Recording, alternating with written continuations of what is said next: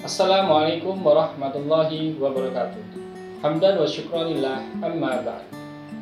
Banyak orang mengira jika memperoleh rizki yang banyak maka ia akan bahagia dan memperoleh kebaikan yang banyak pula. Maka tidak heran banyak orang yang memburu gaji dan memperoleh penghasilan yang banyak dengan berbagai cara. Padahal kebaikan dari rizki yang kita punya tidak ditentukan dari jumlahnya, Bukankah Allah sudah menentukan kadar rizki setiap hambanya? Dalam Al-Quran, surat Ar-Rad ayat 26 menjelaskan, A'udhu billahi minasyaitonirrajim Bismillahirrahmanirrahim Allahu yabsutur rizqa liman yasha wa yaqdir Allah meluaskan dan menyempitkan rizki bagi siapa saja yang ia hendaki.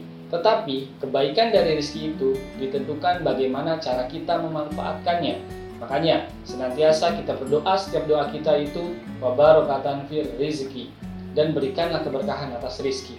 Lalu apa makna berkah itu sendiri? Makna berkah itu sendiri adalah ziyadatul khair, bertambahnya kebaikan. Contoh, ada orang yang gajinya 200 juta per bulan, bisa saja itu tidak berkah baginya.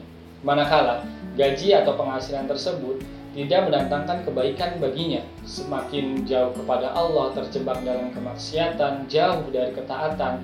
Namun, ada orang yang gajinya sedikit, bahkan mungkin pas-pasan. Bisa saja itu mendatangkan keberkahan baginya. Manakala gaji tersebut bisa mendatangkan kebaikan baginya. Semakin dekat dengan Allah, mendekatkan diri kepada Allah, semakin taat kepadanya, dan menjauhi segala larangannya. Karena itu sahabat sekalian, Mintalah kepada Allah atas keberkahan rizki yang kita punya. Karena hanya kepadanya lah kita meminta atas keberkahan itu sendiri. Wallahu a'lam. Wassalamualaikum warahmatullahi wabarakatuh.